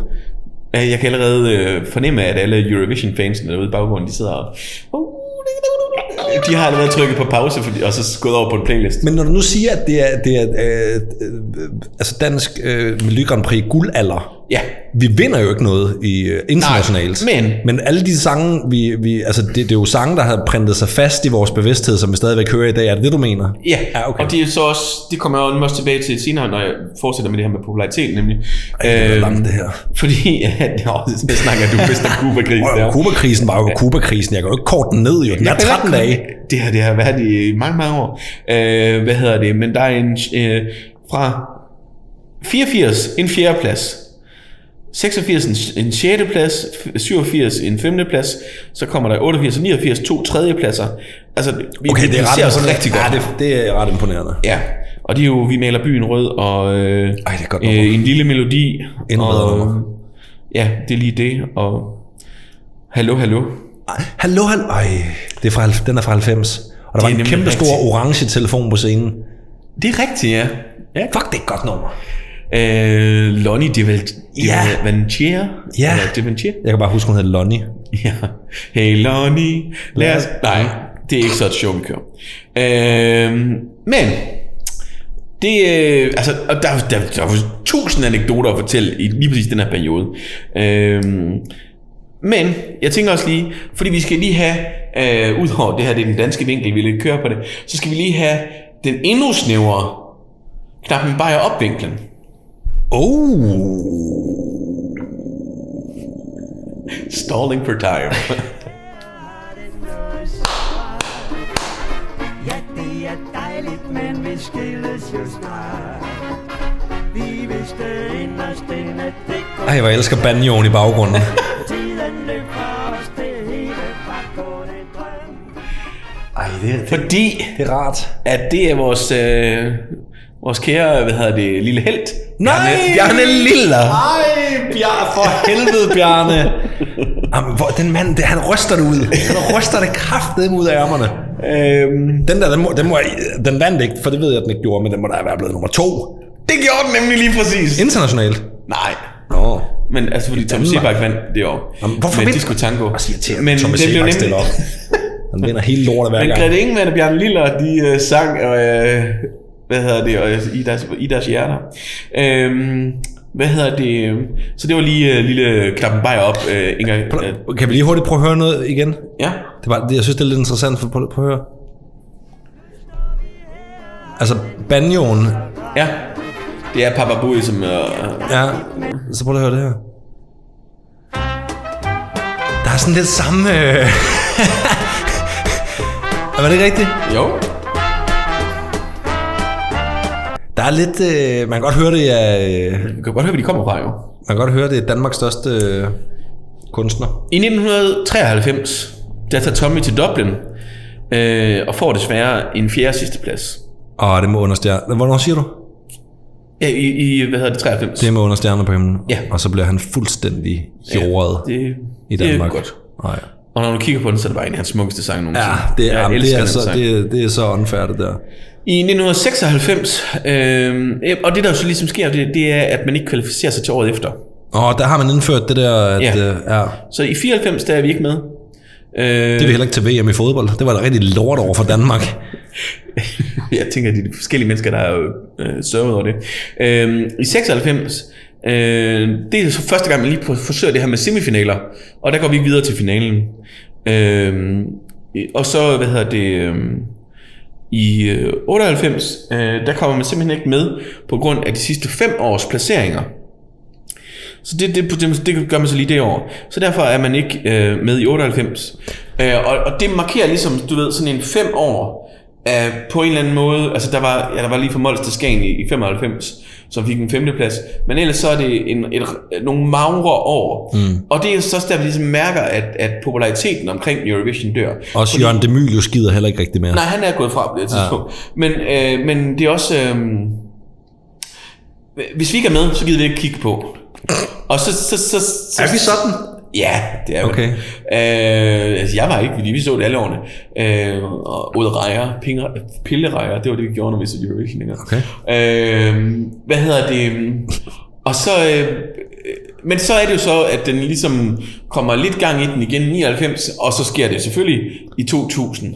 Fly. Så, ja, syng ligesom John. Jørgen. Ja. Den skønne, hvad hedder det, Fly on the Wings of Love vinder. Ja. Og øh, det markerer jo... Øh, I Sverige kan jeg huske, det var. De vandt i Sverige. ja, de vandt, ja, ja, det er rigtigt. Øhm, og det, det giver jo en kæmpe opblomstring øhm, Det var også vildt. om, omkring populariteten i Eurovision. Ja. Fordi man jo så også året efter får en anden plads. Ja, og må- må jeg lige øh, indrømme noget der? Mm. Året efter. Ja, altså... Ja, altså... Hvor, Jeg, var, hvor, var, hvor var du henne, Dalle? jeg var jo i parken. og jeg glemmer aldrig nogensinde den oplevelse. Hvad, hvad husker du bedst fra det? Jeg husker bedst, øh, at min mor øh, havde virkelig svært ved at skaffe billetterne, for dengang, der skulle man ned på posthuset og stå i kø. Nej, det er rigtigt. Ja. Og så var der jo bare ikke flere, når altså, Hun var- de havde problemer i den posthus. hun, hun fortæller det meget dramatisk altid. Det var sådan noget med, at hun var lige kommet ned, og så råbte de, der er ikke flere af de gode billetter. Og så kommer hun helt op, efter altså, hvad der svarede til uger i kø, og kommer op og står op, og så er der lige fem billetter tilbage til mig og mine forældre og mine søskende. Og så var vi den. Og da Rollo og King går på, kunne vi køre Nå. noget. Der var så meget larm. Det var det største Prix nogensinde. Det var, vi var Ja, ja, ja. 38.000 mennesker inde i parken. Jeg tror næsten, jeg var 40, ja. Var vi for? Nå, okay. Ja, så- ja. Men det var så... Altså, det var, det var en super fed oplevelse. Det var det faktisk. Ja. Men det, vi, vi kunne ikke høre Rollo og King, fordi folk gik amok. Og jeg ved da ikke, om, om sangen bare var et hit, eller om, om, om, om, om folk også var lidt farvede hjemme i stuerne rundt omkring i Europa af, at, øh, at Melodi Grand Prix i parken, øh, Jo, men altså, øh, værtsnationen får som regel altid lidt ekstra... Øh, de får lidt... Øh, Ja, det, det, det ja. gør de. Øhm, men øhm, årene efter, øhm, der er der så også ligesom, øh, grunden til at, ligesom, at populariteten, øh, hvad hedder det, øh, øh, består ved Eurovision her, det er, det er sådan set ikke så meget på grund af de resultater, som, som der er de efterfølgende år, fordi faktisk indtil nu, så er det kun øh, i 2013 og øh, lidt i 12, øh, at, at der har været noget sådan rigtig øh, og, og jubelår. Det er sådan lidt mellempræstationer. Mm. Øh, men det, der ligesom har holdt det i gang, det er, at i start nullerne kommer der en enorm øh, nostalgi omkring 80'erne. Generelt. Og hvad, hvad, hvis du skal nævne et eller andet 80'er relater, relaterbar, jamen så er det lidt en go-to at gå til Melodi Grand Prix. Ja. Og hvis du tager til en Melodi Grand Prix, øh, øh, hvad hedder det, øh, øh, fest, så vil halvdelen af playlisten, det vil være 80'er. ja. Fordi det, det, det, der er bare noget med krephår og, Men det er der og, også. Og, og falde ned strømper. Ja. Øhm, så det er sådan lidt en, en, en sjov ting, man sådan kan med. Udover det, så er det så også, at i de, øh, hvad hedder det, øhm, i, hal, øh, i nullerne, eller øh, i tierne, undskyld, øh, så, øh, så ser man også en eksplosion i forhold til seertallene. Så bare for lige sådan give en lille sammenligning, så altså nu snakker vi du, på det internationale her. Ja. Øh, i, i, I Finland, da Lordi har vundet, øh, så i 2007, øh, der er der 106 millioner øh, seere øh, på, på verdensplan. Og det, det, det, det stiger lige så stille, og man ser, at i, i, i 2013, der er der et kæmpe boom til, til hvad hedder det, 170. Og det er jo så også successivt med, at der er flere og flere lande, der er, er involveret. Øh, jeg ved ikke, hvor meget man så i Azerbaijan dengang. At, øh, Nej, fordi man har jo udvidet det ret kraftigt. Altså, det er vel lidt i takt at man også har udvidet EU blandt andet. Altså, Ja, ja, men det, det, altså, der er også kommet flere lande siden. Altså, det, hedder- altså, det er rigtigt. Ja. Øhm, fordi, ja, Armenien og hvad vi har vi ellers. og Sådan, ja. Jugoslavien findes ikke mere blandt andet. Nej, så det har ret, øh, siden 2013 har det været sådan øh, ret stabil mellem 170 og 195 millioner. Det, det er alligevel... Øh, Faktisk er det mest sete øh, Eurovision, det er det danske øh, øh, i 2014. Nå, efter, hvad hedder hun, øh, vandt. Efter, ja, det, øh, Emily de Forest. Det var også i Sverige. Ja, det var det nemlig. Så vi kan kun vinde, når vi øh, synger i Sverige. Ja, så hvorfor vandt vi ikke i 17? Det var, Det var fordi, Eller i, i 16 var det jo så, fordi Mons vandt i 15. oh, men det, Sverige har vundet for mange gange til, at vi kan følge med der. Ja, det er rigtigt. Nå, øh, det var sådan lige lidt om, omkring populariteten. Så tænkte jeg, at jeg lige ville øh, hurtigt springe ind og, øh, og øh, sådan, netop fordi at det her med, at Eurovision er et ikke-politisk show, så derfor er der masser af politik involveret. og det er simpelthen sådan noget helt lige fra starten af, øh, hvor at, øh, at en af de lande, som var øh, meget involveret øh, allerede sådan rimelig tidligt, det var Spanien, øh, der også har vundet øh, tilbage i de tidlige dage. Mm. Øh, men det var jo under Francos Ja. øh, tid, Ja. øh, og Salazar i, i Portugal, øh, hvor man kan sige, at der har også allerede dengang været rygter om, at er der nogen, der er blevet, øh, har, altså har fået nogle penge for at Ja. få Spanien til at se bedre ud og sådan noget. Det skal ikke til noget af dem, for, øh, der vandt. Det er bare, at du ved, der er altid noget politisk involveret. Ja. Øhm, øhm, ja. Jeg kan ikke læse, hvad fanden jeg har skrevet på det her. Jamen, det er den der belgiske Nå. satan der, der er ved at tage livet af os. Ja, den er smager fantastisk. Jeg har drukket tre tår. Øh, nej, men det der så er ved det, det er jo netop, som du også øh, som du sagde på et tidspunkt, det her med, at det, det gælder, altså det som Eurovision også er til for, og er blevet til for, mm. det er det her med, at at vi er sammen om det. Øh, og det er der, hvor det politiske ikke må spille ind. Det vil sige, at, at at selvom der kan være øh, øh, stridigheder, så er vi stadigvæk med til Eurovision og, og kan give hinanden hånd der. Som vi, ja, og, men... Nå, ja, ja. ja okay. Øhm, kulminationen på det øh, må være, da øh, vesttyskeren Nicole i, øh, hvad hedder det, i 1982 øh, vinder i England øh, med Ambition Frieden, Mm. blandt andet med 12 point fra Israel. Det er sådan, ligesom en god øh, hvad Ja, hedder det, okay. øh, Ja, bue det er ret fint, og, faktisk. Og, og, og knyt omkring, ja. at man kan se sig fri for, for, for visse ting.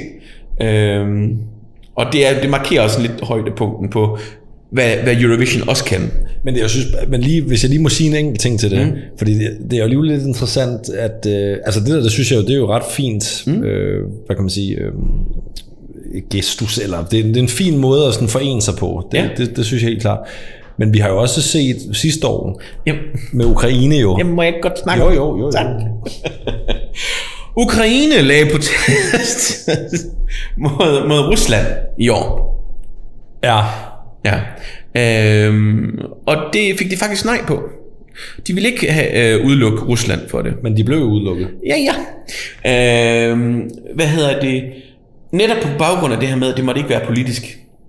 Øh, og, og, og, og det ville de ikke, altså på den måde mm. ville de ikke differentiere det, det var en musikkonkurrence. Øhm, men så var det, at Finland, Litauen, Danmark og Sverige begyndte at sige, øh, sige til EBU, øh, EBU, ja, øh, at, øh, at hvis de kommer, så kommer vi ikke. Okay. Og derfor endte de i sidste ende med, at, og, og faktisk ikke i sidste ende, dagen efter, at de havde skrevet et brev til Rusland om, I er velkommen, så skrev de et brev, I er ikke længere velkommen.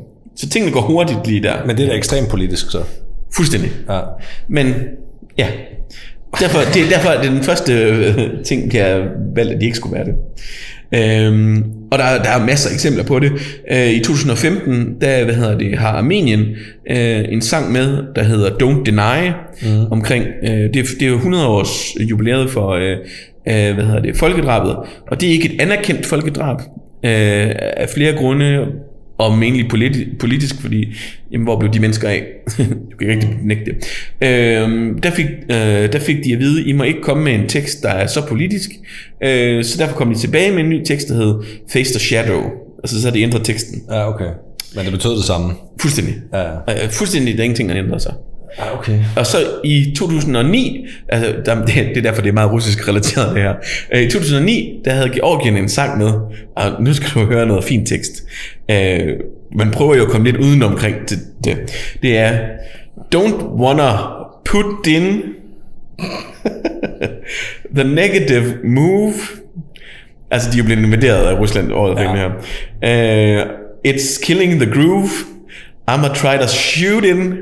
Det, det, det står som shoot in, mm. men når man hører dem synge det, Shooting. så, nej, så shoot, shoot him. Og shoot him. Ah, og um, Some Disco Tonight to Boogie With You. Uh, det, det var omkvædet uh, på, på sangen. Og um, ja, um, det, var man, det fik de simpelthen at vide.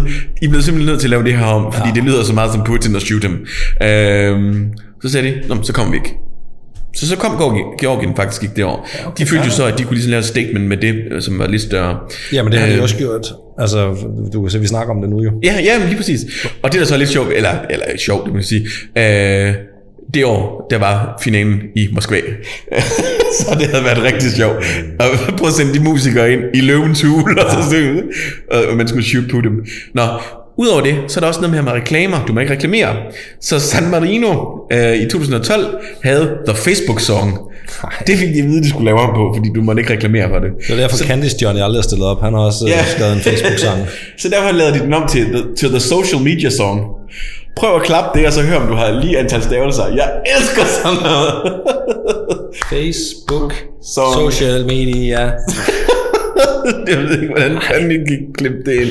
Nå, men de kom med. Øhm, ja, og øh, det var øh, faktisk min ligesom, afrunding på, at hvad jeg synes, der var interessant ved Eurovision. Fordi der, det er jo så sjovt, det her, eller interessant, øh, det her med det politiske, fordi det, det vil ikke være politisk, og det er bare så hammerne politisk. Det er sindssygt politisk. Ja. Altså, ja, altså jeg, siger man jo også omkring fodbold og sådan noget. Jo, jo, men, men, men folk, der siger, at sport ikke er politisk, det, det, det giver ingen mening at sige, for det er sindssygt politisk. Ja. Men hvad er ikke politisk, skulle jeg til at sige? Jamen det er jo i sidste ende det, ja. Ja, så det er også, altså, hvorfor kan man ikke bare, øhm, måske bare erkende, at, at Melodi Grand Prix er en, øh, en platform for øh, en politisk agenda? For det er det jo. ja.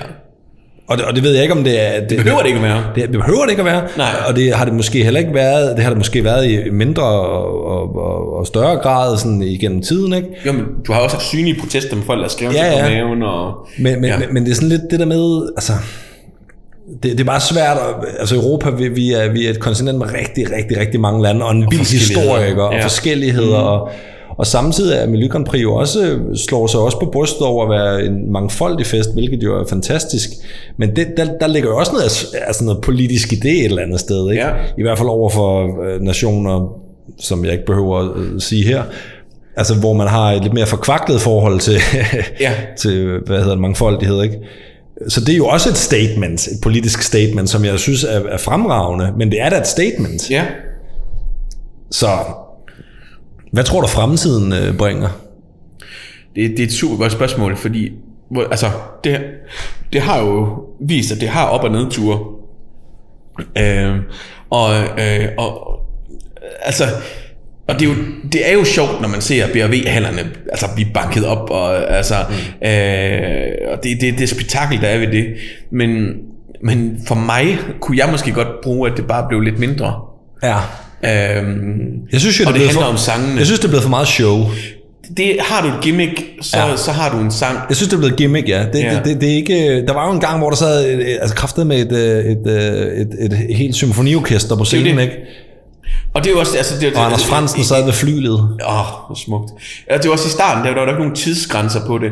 Øh, øh, så der var der nogle sange over fem minutter. ja. så, der, så sætter man jo en tidsgrænse på det. Det er selvfølgelig også kvæg det, der kommer flere og flere lande med. Øh, og altså, tingene bliver lidt mere tilpasset, og, og desværre jo sådan lidt mere McDonald's-agtigt. også for til. bliver kommercielt. Det her med, at jamen, det er playback, du må ikke have live-instrumenter på, på scenen, og øhm, øh, ja, som, som du siger med orkestret ikke er, er Ja. der mere, ja. som jo gav jo den her liveness ja. i, i det, men, men der kan man sige, at musik har også ændret sig rigtig meget. Nu er det ikke noget, der nødvendigvis kan spilles i et orkester længere. Nej, nej, Øhm. men, men, det, men jeg tror heller ikke, det er så meget, at, at, at, altså jeg synes heller ikke, at det er fordi, der skal sidde et kæmpestort symfoniorkester på scenen. Det, det er ikke så meget det, men, men jeg synes mere, nu kan man sige, på dansk hedder det Melodi Grand Prix. Det hedder det jo så ikke på engelsk, det hedder det Song Eurovision. Contest. Ja. Så, så, så, og det er jo et eller andet sted to forskellige ting jo ikke. Fordi at Melodi Grand Prix, når jeg hører Melodi Grand Prix, så læser jeg ind, at det er musikken, det skal handle om. Og det er også derfor, at et eller andet sted kan det fungere, at man synger på forskellige sprog. Ja. Og så burde det stadigvæk være den med den bedste melodi. Den, der har skrevet det bedste stykke musik, Ja, ja, der vinder jo, ikke? Jeg synes bare i dag, det burde hedde show contest. Fordi jeg synes, ja. det handler om øh, det, det visuelle effekter, og det handler også nogle gange om at, du ved, at på en eller anden måde ja, have et eller andet politisk statement, eller du ved, Ja. på en eller anden måde skille sig ud, hvor det bliver, hvor det bliver lidt marketingagtigt. Ja. Og, øh, ja, men det, Og det er derfor, jeg er stået af blandt andet. Altså, jeg står ikke af på det. Øh, øh, jeg, ikke, jeg ikke forstår andre, der, der kan gøre det. Øh, jeg vil sige, jeg havde stået af i 2007, hvis de der fra Ukraine havde vundet øh, med Ein, zwei, drei, og de er med hver eneste år, i hvert fald hende, ham der er hovedpersonen, øh, Veta eller sådan Har han noget. været med hvert år? Jamen, du ved, han er sådan en, nærmest blevet sådan en, øh, hvad hedder sådan en galionsfigur for Okay. Eurovision. Ja, okay. Det er en, er en i drag, øh, Okay. og så har han en disco på hovedet. Altså, altså hvis, hvis det vandt det år, altså, jeg, så havde bare det sidste gang, jeg havde set Eurovision.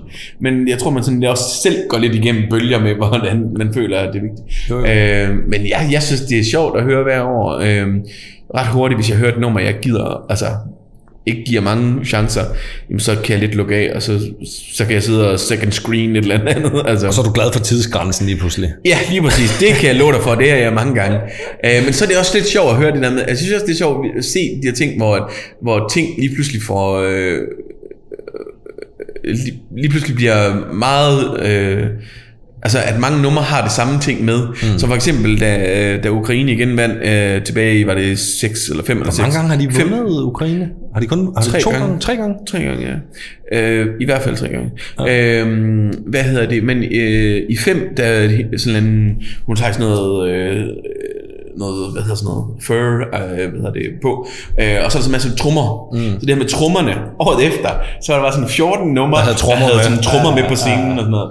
Øh, og det er sådan lidt sjovt at se, hvad der bliver gimmick, og, og dengang EDMI, eller EDMI, altså den her form for musik, Idi Amin? Nej. Uh, han electric, uh, og så var det lige pludselig, så var alt, så var det alt sådan noget Skrillex-agtig musik hen over en, Ja, ja, en ja. der sang og sådan noget. Uh, ja. Og det er ikke alt, der lige er godt. Men, men jeg kan godt lide at se det hver år, og øh, jeg synes, det var et fint show i år. Øh, Ja, vi så det jo sammen, jo. ja. I Sverige, ja. Sverige, som jo er fandme er verdensmester til det lort. Fire semifinaler, et opsamlingsseat og en finale. Ja. Det er det, de kører. Ja, altså til deres øh, nationale. Ja, ja. ja. Det er sværere at vinde det, det nationale end det internationale. Ja, ja. Hvad er det nu, de kalder det? Mm, Øh, Melodifestivalen. Ja, det er en hel festival. Ja. Nå, Med- med, det med- var... Øh, Med, med 3% spejl, hva? Nå, Folkeøl. Øh, det var det, jeg havde om Eurovision. Der Fedt. er jo masser mere at fortælle om, men... Øh, ja. ja. Og det er også en ting, hvor alle folk har lidt mening, men det, jeg har ikke så mange meninger omkring Kuba-krisen heller, så det er sådan lidt... Ja. Nej, men det er også et overstået kapitel, kan man sige. Jo, jo, det er rigtigt. Men Nå. jeg kan fortælle dig, at øh, det er vores længste afsnit Ja. til dato. Hvad er vi på nu? Halvanden time. Ja, så må vi også til slut. Ja, nu, nu, nu, Vil du, øh, nu tror jeg ikke, man gider høre mere på os. Vil du have en, øh, en udfordring? Ja, nå ja, det skal vi også lige. Jeg skal Ja. lige så sætte outroen på. Nej, du skal have en udfordring. Ja. Og, øh, og den, er, den er så meget i dit wheelhouse, det her. Er det du, det? du vil kunne s- snakke om det her i en time nu, uden at lave research. Spåndplader. Nej. Du skal fortælle mig omkring ringridning. Oh, oh, okay, Ja. okay, ja, ja, ja, ja. Altså sporten til hest. Ja, Ja. ikke weekendaktiviteter i hjemmet. Det er faktisk en weekendaktivitet. I, I Sønder, hjemmet? I Sønderjylland. Ja, også i hjemmet, der er jo, fam, det er jo familiedynastier, der dyrker ringridning. Jamen, du fortæller mig om det næste gang. Ja, det gør jeg. Øhm, du skal have om øhm, Schweiz. Ikke landet, men deres øh, urværker. Schweiziske urværker. Ja. Fordi der er jo en anden helt sindssyg tradition i Schweiz med hensyn til at producere ur. Ja. Så øh, niche den, som du vil. det bliver meget nichet. Du må jo godt, altså hvis du vil fokusere på et brand, Rolex eller hvem det nu skulle være, Ja, ja. det, det, det styrer du selv. Svejsiske uger, Ja, det kører vi. Okay. Skal vi køre outroen? Ja, Skål, skål, Dan. og øh, Tak for det nu. Dikkelue, dikkelej. Altid der på mig.